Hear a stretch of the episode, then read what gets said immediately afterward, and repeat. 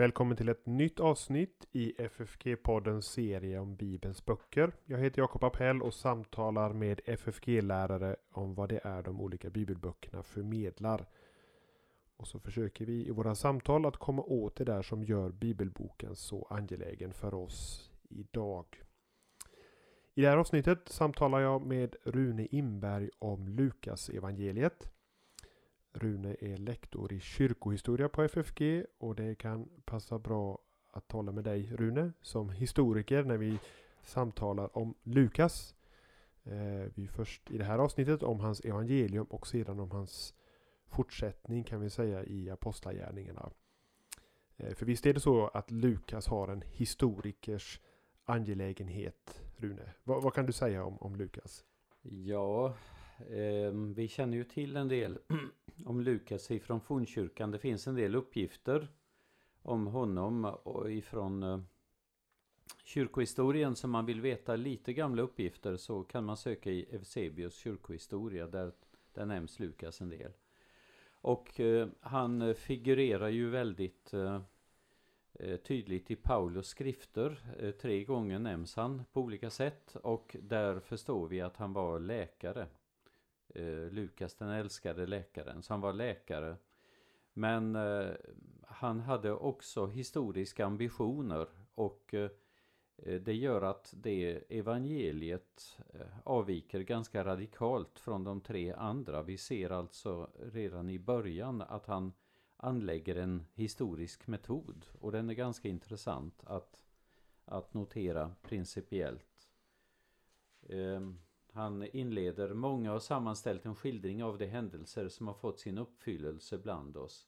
Enligt vad det som redan från början var ögonvittnen ordet tjänare har meddelat oss. Sedan jag noga efterforskat allt från början har jag beslutat att i rätt ordning skriva ner det för dig, ädle Teofilus, för att du skall veta hur tillförlitlig den undervisning är som du har fått. Eh, och det här är skrivet på god grekiska. I själva verket är, eh, skriver han på en mera eh, klassiserande klassicerande grekiska i kapitel 1 och 2 och sedan går han över till en mera vardaglig så det har lingvisterna noterat. Men alltså redan från början så visar, så visar eh, Eh, Lukas många av de drag som kännetecknar honom och det är Eh, bland annat en otrolig historisk medvetenhet. Men sen gör han teologi av det. Och sen möter vi hans precision eh, vad gäller denne Teofilus och sådär. Så att det finns väldigt många intressanta detaljer redan där. Och, och då blir man lite nyfiken. Vem är den här Teofilus som ska få veta det här med all denna precision och noggrannhet? Ja, det kan man fundera över för det kan ju vara ett äkta namn och det betyder gudsälskare. Men det kan också vara en slags pseudonym. Eh, typ eh, i Banjans bok Kristens resa där mannen heter Kristen och sen heter hans fru Kristina. Eh, så man kan alltså misstänka att det är en pseudonym och vem är det han skriver till? Jo, med tanke på att Apostlagärningen, alltså fortsättningsskriften, har en sån otroligt juridisk karaktär. Vi, vi dras gång på gång inför domstolar tillsammans med eh, Petrus och Paulus och andra. Eh, det är en rad domstolsscener så därför misstänker man att Teofilus var en man som kunde påverka utgången av kanske Paulus ärende. För eh, Apostlagärningen, alltså fortsättningsskriften, den slutar i Rom med att Paulus har varit eh, fri i två år och det är en juridisk term. Det innebär att efter två år, om man inte blev eh, anklagad, så blev man frikänd. Ärendet eh, var preskriberat. Så att apostlärningarna slutar med en preskriptionsterm. Och då kan man fundera över vad hade de kristna för möjlighet att eh, hitta någon som kunde påverka Paulus ärende för han hade ju eh, appellerat till kejsaren. Jo, där har vi denna sagolika fingerfärdighet som, som eh, Lukas visar prov på. Det står nämligen på grekiska krattiste till denne Theophilus och det brukar vi översätta ädle och på engelska så kan det stå Your Excellency. Så vi kan inse att det är en hög person och genom att läsa apostlärningarna så kan vi dessutom lista ut vad han har för rang. För Theophilus, han kallas för krattiste, ädle Theophilus, i Lukas 1. Medan i slutet på Lukas evangeliet när Paulus dras inför rätta så är det tre, eh, så finns det tre fall där personer kallas för just krattiste. Och två gånger är det samma person och tredje gången är det en annan och det är landshövdingar. Så redan här antyder Lukas, och det har vi svårt att, att fatta vi som lever i dessa dagar, redan i vers 3-4 i Lukas evangeliet så antyder Lukas att han skriver till en som har status som landshövding. Det är väldigt skickligt och att göra det på ett så maskerat sätt. Och då kan man känna att det här är kanske en lyckträff. Men då skulle jag vilja hänvisa till en bok som heter De nytestamentliga texterna av F.F. Bruce. Tyvärr bara en svensk upplaga. Men det finns i massa engelska upplagor. New Testament Documents heter den där. Och han lyfter fram att, att han som engelsman tar av sig hatten och bugar när han läser apostlärningarna. Därför att trots att Bruce var professor i, i, i eh, vissa av de här eh, frågorna, alltså eh, det var väl framförallt Nya Testamentets eh, texter och sådant han jobbade med, men även Gamla Testamentet.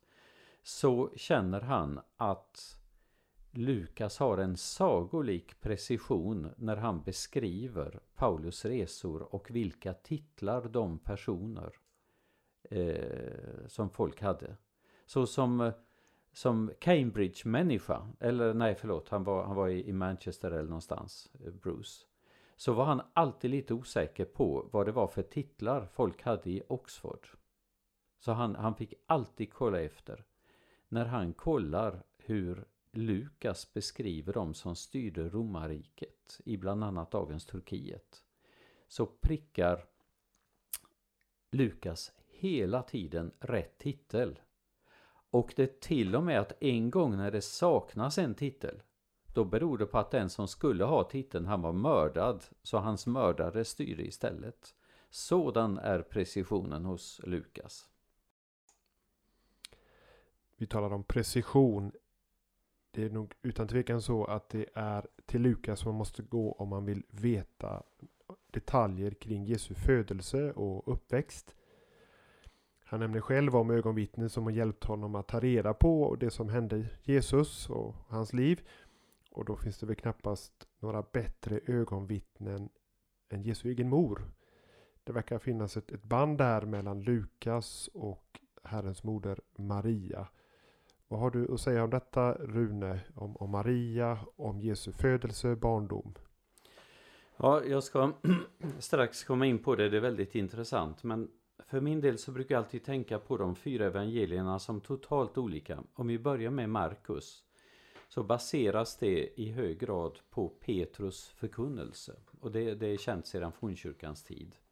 Och man kan nästan höra Petrus röst där när han är på förklaringsberget att han pratade för han visste inte vad han skulle säga så därför pratade han. Så Petrus röst hör vi, hör vi där. Vad är det för röst vi hör i Matteus evangeliet? Jo, Matteus han är eh, han är ju inte ögonvittne på det sättet från början men det vi möter där det är i hög grad Josefs framställning. Så det är den, det är den davidiska linjen och det märks också i släktregistret som finns där. Eh, så att han, eh, han går eh, då mellan eh, eh, Abraham och David och så fram till Jesus. Och Jesus som, som kunglig och allting sådant. Och ängeln talar flera gånger till honom. Det kan vi notera. Eh, och, och ger instruktioner. Så har vi då Lukas evangeliet och där har då de båda första kapitlen en väldigt speciell karaktär och är alltså stilistiskt skrivna med ett speciellt språk. Och det, det kan ni fråga våra exegeter om. Det, det vill de nog gärna tala om. Men jag, jag kommer till den frågan mera som historiker. Och då kan vi notera att Lukas han, han gör anspråk på att, eh, att ha intervjuat ögonvittnen. Han, han säger inte själv att han aldrig upplevde Jesus. Det kan hända att han har varit eh, lärjunge i ett tidigt skede eller så. Möjligen finns han själv med i Lukas 24, Emmausvandringen, det misstänker vissa. Men vad gällde Jesu tidiga liv så märks det att han har arbetat med ögonvittnen. För det står så här i Lukas 1.11.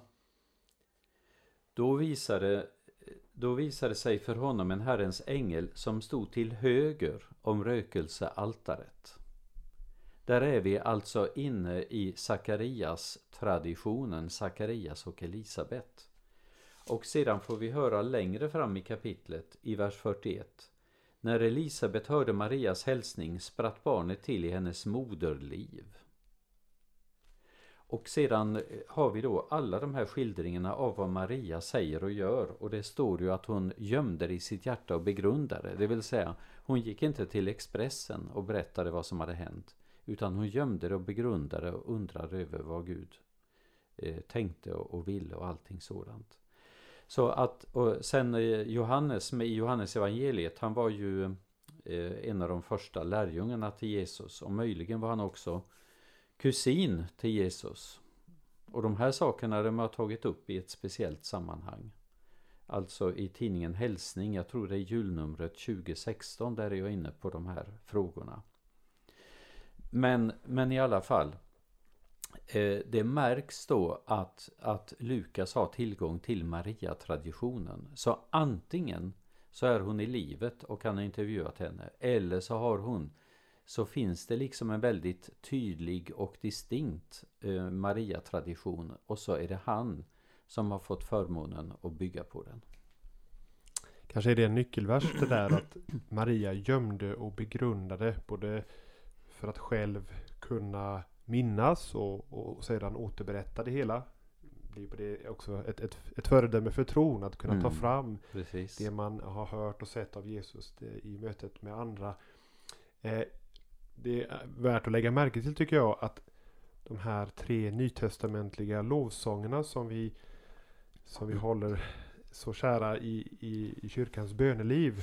Sakarias lovsång som vi använder så som morgonbön och Marias lovsång som Vesperns aftonbön och Simeons lovsång som är vår aftonbön. Alla tre återfinns bara i Lukas. De finns återgivna i, i sin helhet. Eh, hur, hur, hur hamnade de här i Lukas eh, inledande kapitel utav evangeliet? Ja, det... Eh, här kan man säga att här hamnar man också i en rad intressanta saker därför att, att när Maria blir gravid så blir hon väldigt förvirrad och det finns ju många, många Många kvinnor som har hamnat i en väldigt speciell situation vid graviditeten och här så det kom liksom som en blixt från klar himmel. Och hennes sätt att lösa det, det var att söka sig till en äldre släkting och det är då Elisabet. Och då förstår vi att, att det är via Elisabet som, eh, som eh, den skildringen har kommit. Den kommer i och för sig senare i och med att Maria har lämnat Sakarias och Elisabet när, när Johannes döparen föds. Men, men vi har den kopplingen där. Och, ehm, och eh, Simeons lovsång den har vi ju ifrån templet. Och den lovsången i sig är mycket intressant för den knyter an till bland annat Jesaja 49. Och det ska jag komma in på vad gäller apostlagärningarna att Jesaja 49 bidrar till att strukturera apostlagärningarna. Så Simons lovsång knyter an till Jesaja och sen fångar Lukas upp detta. Så det, det finns en första antydan i, i Lukas evangeliet och så vidareförs det i två av nyckelhändelserna eh, i, eh, i Apostlagärningarna. Och sedan Maria själv då, där har vi Magnificat. Och Magnificat i sin tur, den kopplar ju tillbaka till Hannas lovsång i första Samuelsboken, kapitel 2 är det väl. Eh, så man kan säga att, att det Lukas gör, det är att han på ett väldigt raffinerat sätt arbetar med en rad detaljer. Och eh, man ska ofta ha, ha, vad ska man säga, ögat fäst vid de detaljer som är lite eh, anmärkningsvärda. Jag tycker till exempel att det är väldigt överraskande att man gör så lite av Hanna, Fanuels dotter, i Lukas 2. Därför att, att Simons, eh, Simons lovsång, den fäster vi ofta stor vikt vid. Men däremot så missar man detta med profetissan Hanna. Det står, hon hade kommit upp i hög ålder. I sju år hade hon levt med sin man från det hon var jungfru. Och hon var nu änka 84 år. Och nu är jag så, så eh, gammal till åldern. Jag håller just på att pensioneras och sådär och har läst det här länge så att att jag har vant mig vid att när man stöter på vissa uppgifter som inte behövs då blinkar mina varningslampor. Och varför i Nya Testamentet är det så sällan talas om åldrar? Varför får vi dessa två onödiga uppgifter? Simeon, hur gammal han var, det får vi inte. Men här får vi reda på att hon var 84 år. Och eh, vi får också detta med, med sju år, att hon hade levt med sin man. Och då slog det mig att det finns faktiskt bara en enda bibelbok som har kapitel. Våra kapitel, de kom på 1200-talet efter Kristus. Så det är, det är av rent tekniska skäl vi har indelat i kapitel. Och versindelningen kom på 1500-talet. Men det finns en enda bok i Bibeln som har riktiga kapitel, om jag minns rätt nu. Och där... Ja, nu sätter du mig på pottkanten här, men jag gissar väl att det skulle kunna vara Saltaren. Precis, det är Saltaren. Eh, därför att den har väldigt markerade eh, startpunkter. Så det finns några, några ibland, det finns ett par salmer där man kan fundera över om de är halva eller om de är hela och, och, och sådär. Så det innebär att, att, i andra språk så kan man ha lite eh, annan numrering av både kapitel och versar. Men den judiska, den hebreiska kapitelindelningen som vi hittar i, i traditionella biblar. Den placerar då psalm 84 till salmen för sångmästaren till Gitit, en psalm av Koras söner. Så det är den som beskriver glädjen av att vistas i Herrens hus, i Herrens gårdar. Och då står det i vers 5. Salig är det som bor i ditt hus. Och det gällde ju just henne, hon bodde där dag och natt. Det lovade dig ständigt sela. Vers 6. Saliga de människor som har sin styrka i dig, de som har dina vägar i sitt hjärta. Och vers 7. När de vandrar genom Tåredalen gör de den rik på källor och höstregnet höljer den med välsignelser. Vers 8. Det går från kraft till kraft, det träder fram inför Gud på Sion. Så det vi har i Saltaren 84, det är en beskrivning av glädjen att leva i, i Guds hus, i Guds tempel. Vi har Simeon, denne, denne man som officiellt får välkomna frälsaren då, eh, när han är 40 dagar gammal. Och så har vi denna kvinna och så får vi då en liten antydan om detta med 84-7. Det är inte 24-7 utan det är 84-7. Och jag tycker att det är en alltför bra lyckträff för att den bara skulle hänga i luften. Utan, utan eh, de eh, hebreiska biblarna eh, numrerar traditionellt den här som psalm 84. Du tangerade vid flera tillfällen här den helige ande och den helige ande som uppfyllde exempelvis här Sakarias till att profetera och sjunga Sakarias lovsång. Vi ska se närmare på det här, eller du ska få svara på frågan vad du ser som utmärkande drag för Lukas. Men, men så, som jag uppfattar det så har Lukas en särskild angelägenhet om att eh, tala om anden och andens roll. Jag kan bara ta ett exempel på detta. Jesus säger i, vid ett tillfälle att om ni som är onda förstår att ge era barn goda gåvor, hur mycket mer ska då inte er himmelske fader ge er det som, ge det som är gott åt dem som ber honom? Står det i Matteus evangeliet medan Lukas evangeliet säger hur mycket mer ska inte er himmelske fader ge den helige ande åt den som ber honom? Precis. Så att Lukas, eh, ska säga, han lyfter fram den helige ande som detta, det goda. Och, och så finns det förstås många exempel på anden här i Lukas Mm. evangeliet. Vill du säga något om detta med, med andens roll i Lukas?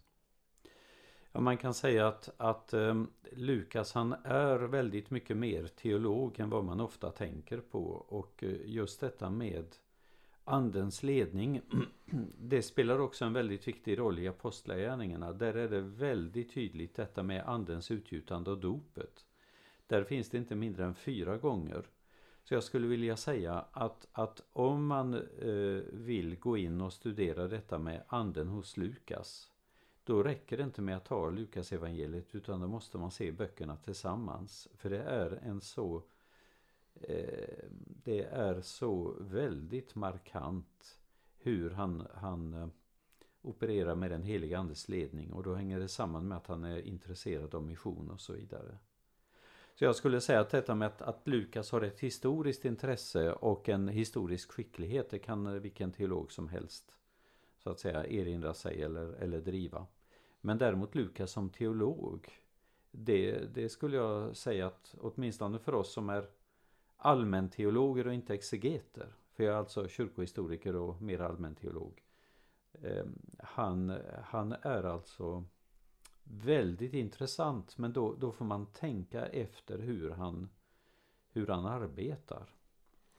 Får jag knyta an det där till Lukas som teolog eller eh, teologisk drivkraft i, i evangeliet? Skulle du kunna måla ut några särdrag för Lukas sätt att skriva evangelium? Vad utmärker honom? Röda trådar etc. Ja, ehm, en bok som jag har haft glädje av det är Leon Morris. Det är en, en nytestamentlig kommentar och han listar en rad saker. Han, han lyfter fram detta med frälsningshistorien och där har vi också det här historiska perspektivet och så. Eh, Lukas använder ofta termer som nu och idag. Och detta med att frälsningen har kommit med Jesus. Och nästa steg är frälsning för alla folk. Lukas använder ordet frälsning och frälsare mycket oftare än de andra evangelierna. Och här hittar vi förresten den svaga punkten i mycket av modern svensk teologi. Många vill tala om Gud. Väldigt många vill tala om Gud. Alla vill inte tala om Jesus. Men, eh, men eh, ja, många gör det ändå. Däremot frälsare, det är den termen som många väjer för. Det är en väldigt markant term i Lukas evangeliet. Och sen kan vi notera en rad andra, andra saker, till exempel ordet frid. Lukas använder ordet frid lika mycket som de andra tre evangelisterna tillsammans. När tänker man på det?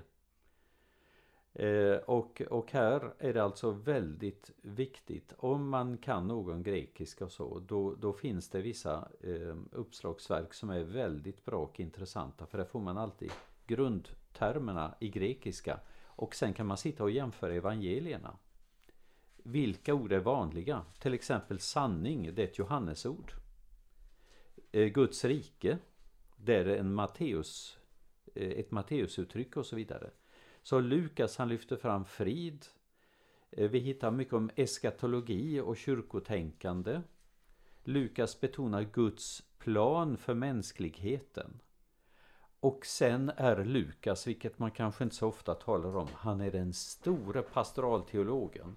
För han har ett stort intresse för individer. Och tänk efter, om vi minns möten med människor Hälft, nästan, kanske nästan hälften av de riktigt intressanta, pregnanta porträtten av individer. Det är via Lukas. Kvinnor, han är den som framförallt lyfter fram kvinnornas roll och kvinnornas möten med Jesus. synderskan i Lukas 7 till exempel. Han skriver mycket om barn. Han är intresserad av fattiga människor. Människor med dåligt rykte. Och så vidare. Så att Lukas är väldigt, väldigt intressant. Ja, spännande. Jag kommer att tänka på en sak när du sa att, att Lukas har så flitigt använt, använt ordet frid. Eh, man brukar ofta lyfta fram detta att Jesus grät när han närmade sig Lazarus, den döde Lazarus grav. Det andra tillfället då han gråter är ju när han rider in i Jerusalem och blickar ut över staden Jerusalem. Mm. Då gråter han också. Ja. Med motiveringen Jerusalem om du visste vad som kunde ge dig verklig frid. Mm. Vad, vad, vad, vad, är det, vad är det Lukas vill förmedla i en sån passage? Ja, man kan säga att, att Lukas fångar upp många människor. Han, han fångar upp dem som verkligen söker Jesus, de som, de som vill få frid. De som vill få förlåtelse och ett paradexempel där det är ju synderskan i Lukas 7. Men han eh, lyfter ju också fram det här med, med att eh, eh förkasta Jesus, att, att avvisa honom. Och eh, ja, där, där kan man gå in på olika detaljer, en del av de judiska ledarna och så vidare, hur de agerar. Han spelar Lukas där på, på namnet Jerusalem, Jerusalem, mm. eh, verklig frid, Jerusalem, ja. var hittar du din frid? Ja, precis. Jo, och jag tycker det är intressant. Första gången, första gången jag var i eh, Jerusalem, det var för ett tiotal år sedan. Vi hade varit uppe på Olivberget i den där gruppresan och så rörde vi oss neråt. Och så såg vi då mot eh, den här eh, väldigt vackra östra delen av muren. Och jag riktigt kände hur det, hur det nöp till i hjärtat. Man, man, man tänkte, tänk allt detta avvisande av, av Jesus och vad denna stad har fått gå igenom. Och precis där, precis där så ligger kyrkan Dominus Flevit, Herren grät. Så enligt traditionen var det precis just där, precis där jag kände det, utan att jag visste om det. Där har man byggt en kyrka för att det var där Jesus stannade till och grät. Mm. det visar alltså med, med hur, hur otroligt väl de här skildringarna kan beskriva saker som, som går över århundraden och årtusenden. Vi kan alltså känna något av det, av det som Jesus kände det. Vi, vi har det i våra minnen, vi har hört texterna och läst dem och allting sånt. Och sen när man kommer till, till Jerusalem så, så kan man liksom hamna i Jesu situation själv. Du nämnde om några färgstarka möten med människor i Lukas evangeliet som, som finns där och, och sticker ut. Vi ska inte eh, vi ska inte glömma de otroligt färgstarka liknelser som bara Lukas tar med. Liknelsen om den barmhärtige samariten, om, om det förlorade, ja, det förlorade, det är inte bara den förlorade sonen, det är också det förlorade myntet och det förlorade mm. fåret. Vill du säga något om liknelsernas plats i Lukas evangelium? Ja, det, det, är också det är väldigt intressant därför att, att den man jämför med det är ju i första hand Matteus och jag tänker alltid på, på Matteus som systematikern. Han är väldigt organiserad och strukturerad. Så när jag letar efter någonting i, i evangelierna och inte minns exakt vad det är, då, då brukar jag ofta börja med Matteus för att hitta det. Eh, och han har sina väldigt eh, strukturerade liknelsekapitel, till exempel kapitel 13 om Guds rike. Där kommer det sju liknelser. Det fullkomliga talet. Medan Lukas, han, skri, han ger inte liknelserna och de här personskildringarna och allting sånt på det systematiska sättet utan han placerar in dem i, den, i det historiska sammanhanget i rätt ordningsföljd skulle jag uppfatta det som. Och då har vi då eh, Eh, detta med det förlorade fåret och den förlorade penningen. Och sen kommer då den förlorade, ja, de förlorade sönerna kanske man skulle säga. Och då innebär det att, att då blir det blir ett lite annat fokus. än det som, eh, det som eh, Matteus har. Han, han har ett mera systematiskt dogmatiskt fokus och det finns mycket empati. Och naturligtvis, självklart.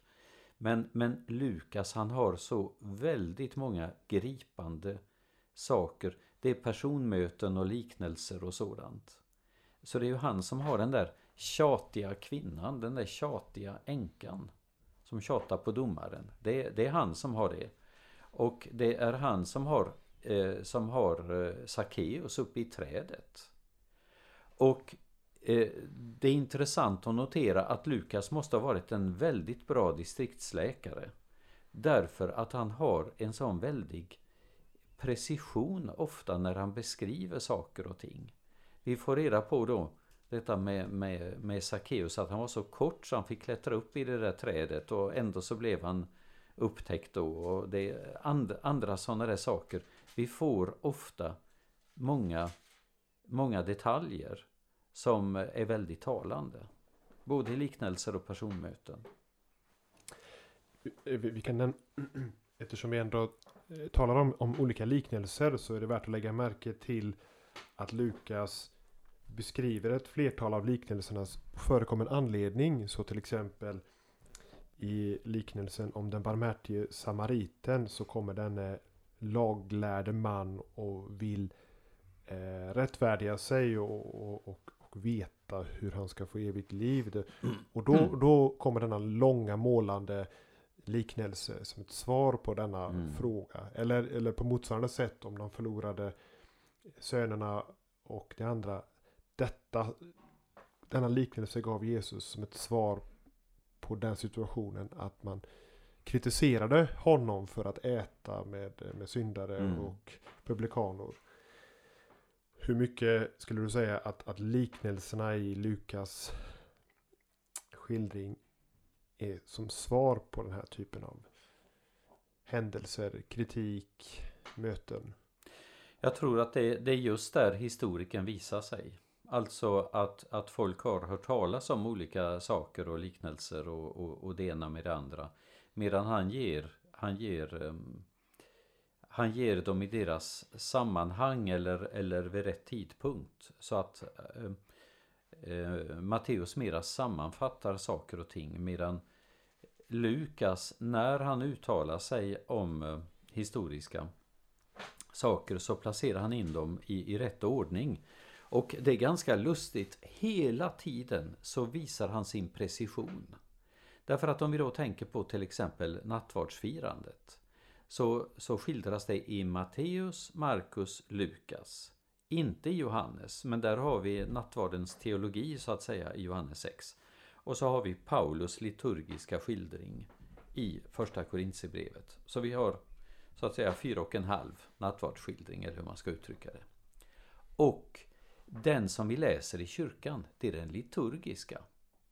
Alltså den som Paulus har gett. Där har vi en liturgiskt utformad eh, skildring av hur det gick till. Men vad händer när man läser Lukas evangeliet och jämför med eh, första Korintierbrevet? Jo, då upptäcker man att eh, Lukas förankrar nattvardens instiftande i den här ehm, eh, eh, påskalammsmåltiden. Så att Jesus lyfter en bägare och då är det andra bägaren i, i påsk, eh, påskalammsmåltiden. Sedan bryter han brödet och sedan dricker de av bägaren. Då är det den tredje bägaren. Så det hänger lite i luften. Men om man då tittar på eh, om, man, om man då tittar på den, den judiska eh, liturgin vid påskalammsmåltiden så ser man att Lukas är den enda som liksom placerar eh, den här bägaren i, i eh, exakt rätt kontext. De andra har brutit ut nattvardens instiftande. Ja, det, man märker på den ena och andra punkten hur Lukas har sin egen personlighet bakom, bakom evangelieskildringen.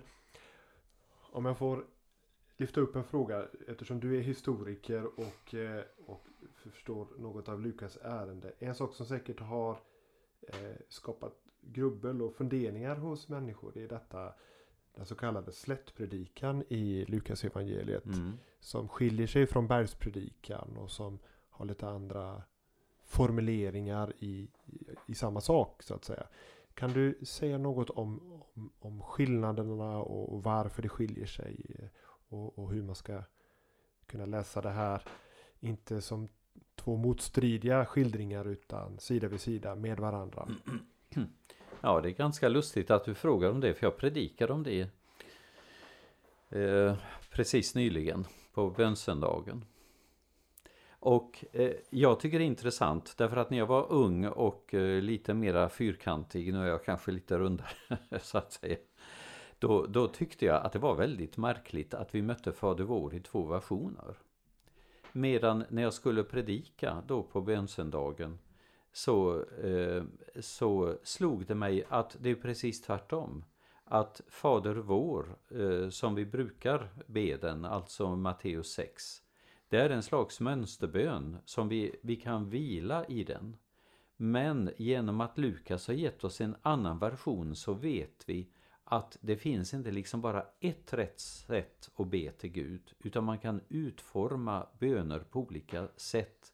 Man kan få fram olika, eh, olika poänger.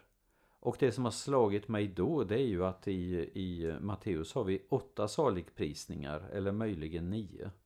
Eh, och de är väldigt, eh, vad ska man säga, de är väldigt pregnant formulerade. Medan i, eh, hos, ehm, eh, hos, hos Lukas så är det bara fyra och sen, sedan följer en annan fortsättning på det hela. Och jag tycker det, det bevisar bara autenticiteten. För alla som har lyssnat länge på en lärare och jag menar du har ju haft mig som lärare en gång långt tillbaka och sen har du, har du hört mig eh, föreläsa många gånger här på FFG. Är det så att jag alltid formulerar mig på exakt samma sätt? På den frågan svarar vi nej. Ja, Men Precis. däremot, men däremot så kan man känna igen eh, tankegångarna. precis. Det är tema med variationer. Jag tror det är, det är ett enkelt sätt att uttrycka det. Tema med variationer. Det vill säga Lukas, han vill följa den historiska linjen. Och då innebär det att Jesu inledande verksamhet avverkar han fram till kapitel 9 tror jag det är. Och sedan från kapitel 9 så fortsätter det med lidandesvandringen och allting. Att Jesu ansikte var vänt mot Jerusalem tror jag till och med det står på grekiska. Så att det Lukas gör det är att han har två kapitel i början och det är, det är i samband med Jesu födelse. Sen avverkar han Jesu tidiga verksamhet i kapitel 3 till om det är eh, kapitel 9 då, slutet. Så i, i sju kapitel så avverkar han det. Sen är kapit slutet på kapitel 9 fram till kapitel 24. Det utspelar sig under ganska kort tid. Och det är bland annat därför som jag har på känn att Lukas evangeliet förutsätter det kommande Johannesevangeliet. För som en driven historiker skulle han aldrig ha skrivit på det sättet om, om eh, han inte hade vetat så att säga att det sista kommer. Och hur han visste det, det kan man fundera över. Men, men så uppfattar jag det. Därför att denne Teofilus, han behövde inte veta alla de detaljerna som Johannes sen ger. Johannes han ger den stora bilden. Lukas han startar upp med Jesu tidiga liv. Han ger utförligt om detta med fram till korsfästelsen och uppståndelsen. Och sen kommer resten av krutet i apostlagärningarna. Det var det som Teofilos behövde höra. Intressant. Du... Varje evangelium har ju ett fokus på Jesus sista vecka i Jerusalem och förstås på uppståndelsen från de döda.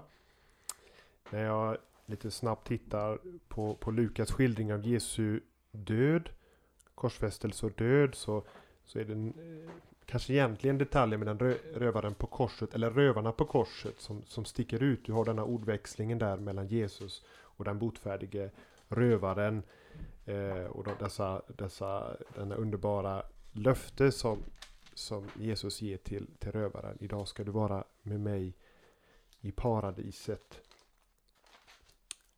om jag får gå direkt till texten om uppståndelsen, Lukas 24. Då har du uppståndelsen ur graven. Och sen ett långt avsnitt med de så kallade Emmausvandrarna. Som tycks bli som en, en slags reflektion över allt som har varit och hänt och hur detta nu ska gå vidare. Mm. Varför är det här kapitlet så, så utmärkande i Lukas hela evangelium? Det är en väldigt intressant fråga och jag skulle återigen vilja hänvisa till de fyra evangelierna. Det vill säga Markus har, har en ganska abrupt avslutning. Eh, och där vet vi att, att eh, olika handskrifter eh, slutar på olika ställen i kapitel 16. Men, men man kan säga att, att Markus i hög grad är en nedskrivning av Petrus förkunnelse och det blir en ganska, Eh, ett ganska abrupt slut där. Eh, sedan Matteusevangeliet har ju detta med missionsbefallningen och sådant, det vill säga där har vi avstampet inför allt det som ska komma. Och där har vi ett, ett globalt perspektiv. Eh, och, och, ja, det, det, kan vi notera där. Medan eh, både, Eh, både Lukas och Johannes har liksom ett extra kapitel. Egentligen skulle eh, Ja, om man då tänker på Emmaus-skildringen, den börjar ju eh, med vers 13 i kapitel 24. Man kan säga att om man slutar vid 24.12 då har man detta att han gick hem, fyll, att Petrus gick hem fylld av förundran. Och det är ju faktiskt eh, Ehm, det som vi har också då i, eh, i Markus 16.8. Det, det, det, det finns alltså då ett, ett element av förundran. Men efter det så skickar då Lukas med Emmausvandringen. Och möjligen är det han själv som är eh, vandrande nummer två. Och vandrande nummer ett, Kleopas, det är möjligen Jesu egen farbror, alltså Josefs bror Kleopas. Då. Och det har jag skrivit om i hälsning från församlingsfakulteten 2016 tror jag det var i julnumret. Så att möjligen är det att Lukas placerar in sig själv, men vi har detta med hur Jesus eh, förkunnar för dem. Han förklarar för dem allt vad som var sagt om honom i hela skrifterna. Det är liksom en nyckelvers. Och de säger själva, brann inte våra hjärtan när vi lyssnade till honom? Sen beskrivs då hur Jesus visar sig för lärjungarna och det påminner om Johannes 20 där Jesus visar sig. Men det intressanta är då att, att det här med Jesu förkunnelse, Jesu undervisning i, under Emma, Emmausvandringen. Den utgör då avstamp för avslutet på Lukas evangeliet. För där har vi detta att han säger till dem allt måste uppfyllas som är skrivet om mig i Mose lag hos profeterna och i salmerna. Och sen säger Jesus att ni ska gå ut och förkunna om det och så skarvar det över till Apostlagärningarna 1.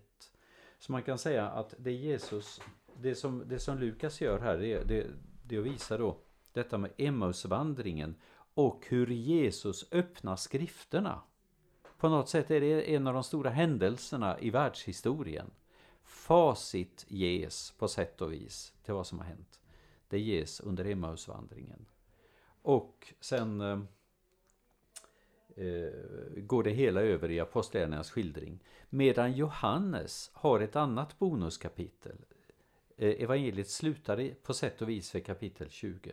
Men kapitel 21, där är det återupprättandet av Petrus. Så det vi har med Matteus, det är världsmissionen och allting sånt. Hur Jesus sänder ut sina lärjungar. Lukas, där har vi Emmausvandringen och uppstarten, startrampen till Apostlagärningarna och i Johannes 21 där har vi Jesus som själavårdare. Eftersom du sa att detta med frälsningen var en, eh, en tematik i Lukas evangelium så är det värt att lägga märke till att Emmausvandrarna är så förbryllade över att Jesus korsfästes och mm. dog. De trodde att han skulle frälsa Israel men eftersom han dog så så kunde det inte vara så. Medan Jesus när han kommer till dem visar att nej men det är just så som frälsningen sker. Mm, Ser ni inte? Och så öppnar han skrifterna för dem. Ser du det som en, en slags slutpunkt här? Att frälsning kan inte vara vad som helst. Att, att romarna skickas i, i sjön. Utan det har att göra med att han lider och dör, uppstår. För frälsningens skull. Ja, precis. Och därmed så, så kan man säga att, att eh, om vi ska avrunda, att vi hamnar i Simeons lovsång. Herre, nu låter du din tjänare gå hädan i frid, så som du har lovat, ty mina ögon har sett din frälsning, vilken du har berett till att skådas av alla folk, ett ljus som skall uppenbaras för hedningarna och en härlighet för ditt folk Israel. Så vi behöver alltså inte läsa apostlagärningarna. Det, det, det räcker med att läsa Lukas evangeliet i sig för att få fullheten. Han knyter ihop säcken. Men sen visar det sig att när han har knutit ihop säcken så visar det sig att ja, det fanns tydligen en säck till.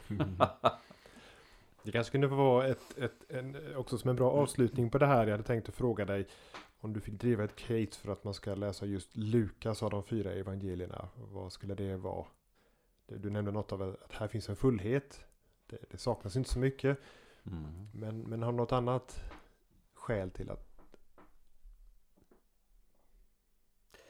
Jag, jag, skulle säga så här att alla de fyra evangelierna är på sätt och vis bäst. Mm.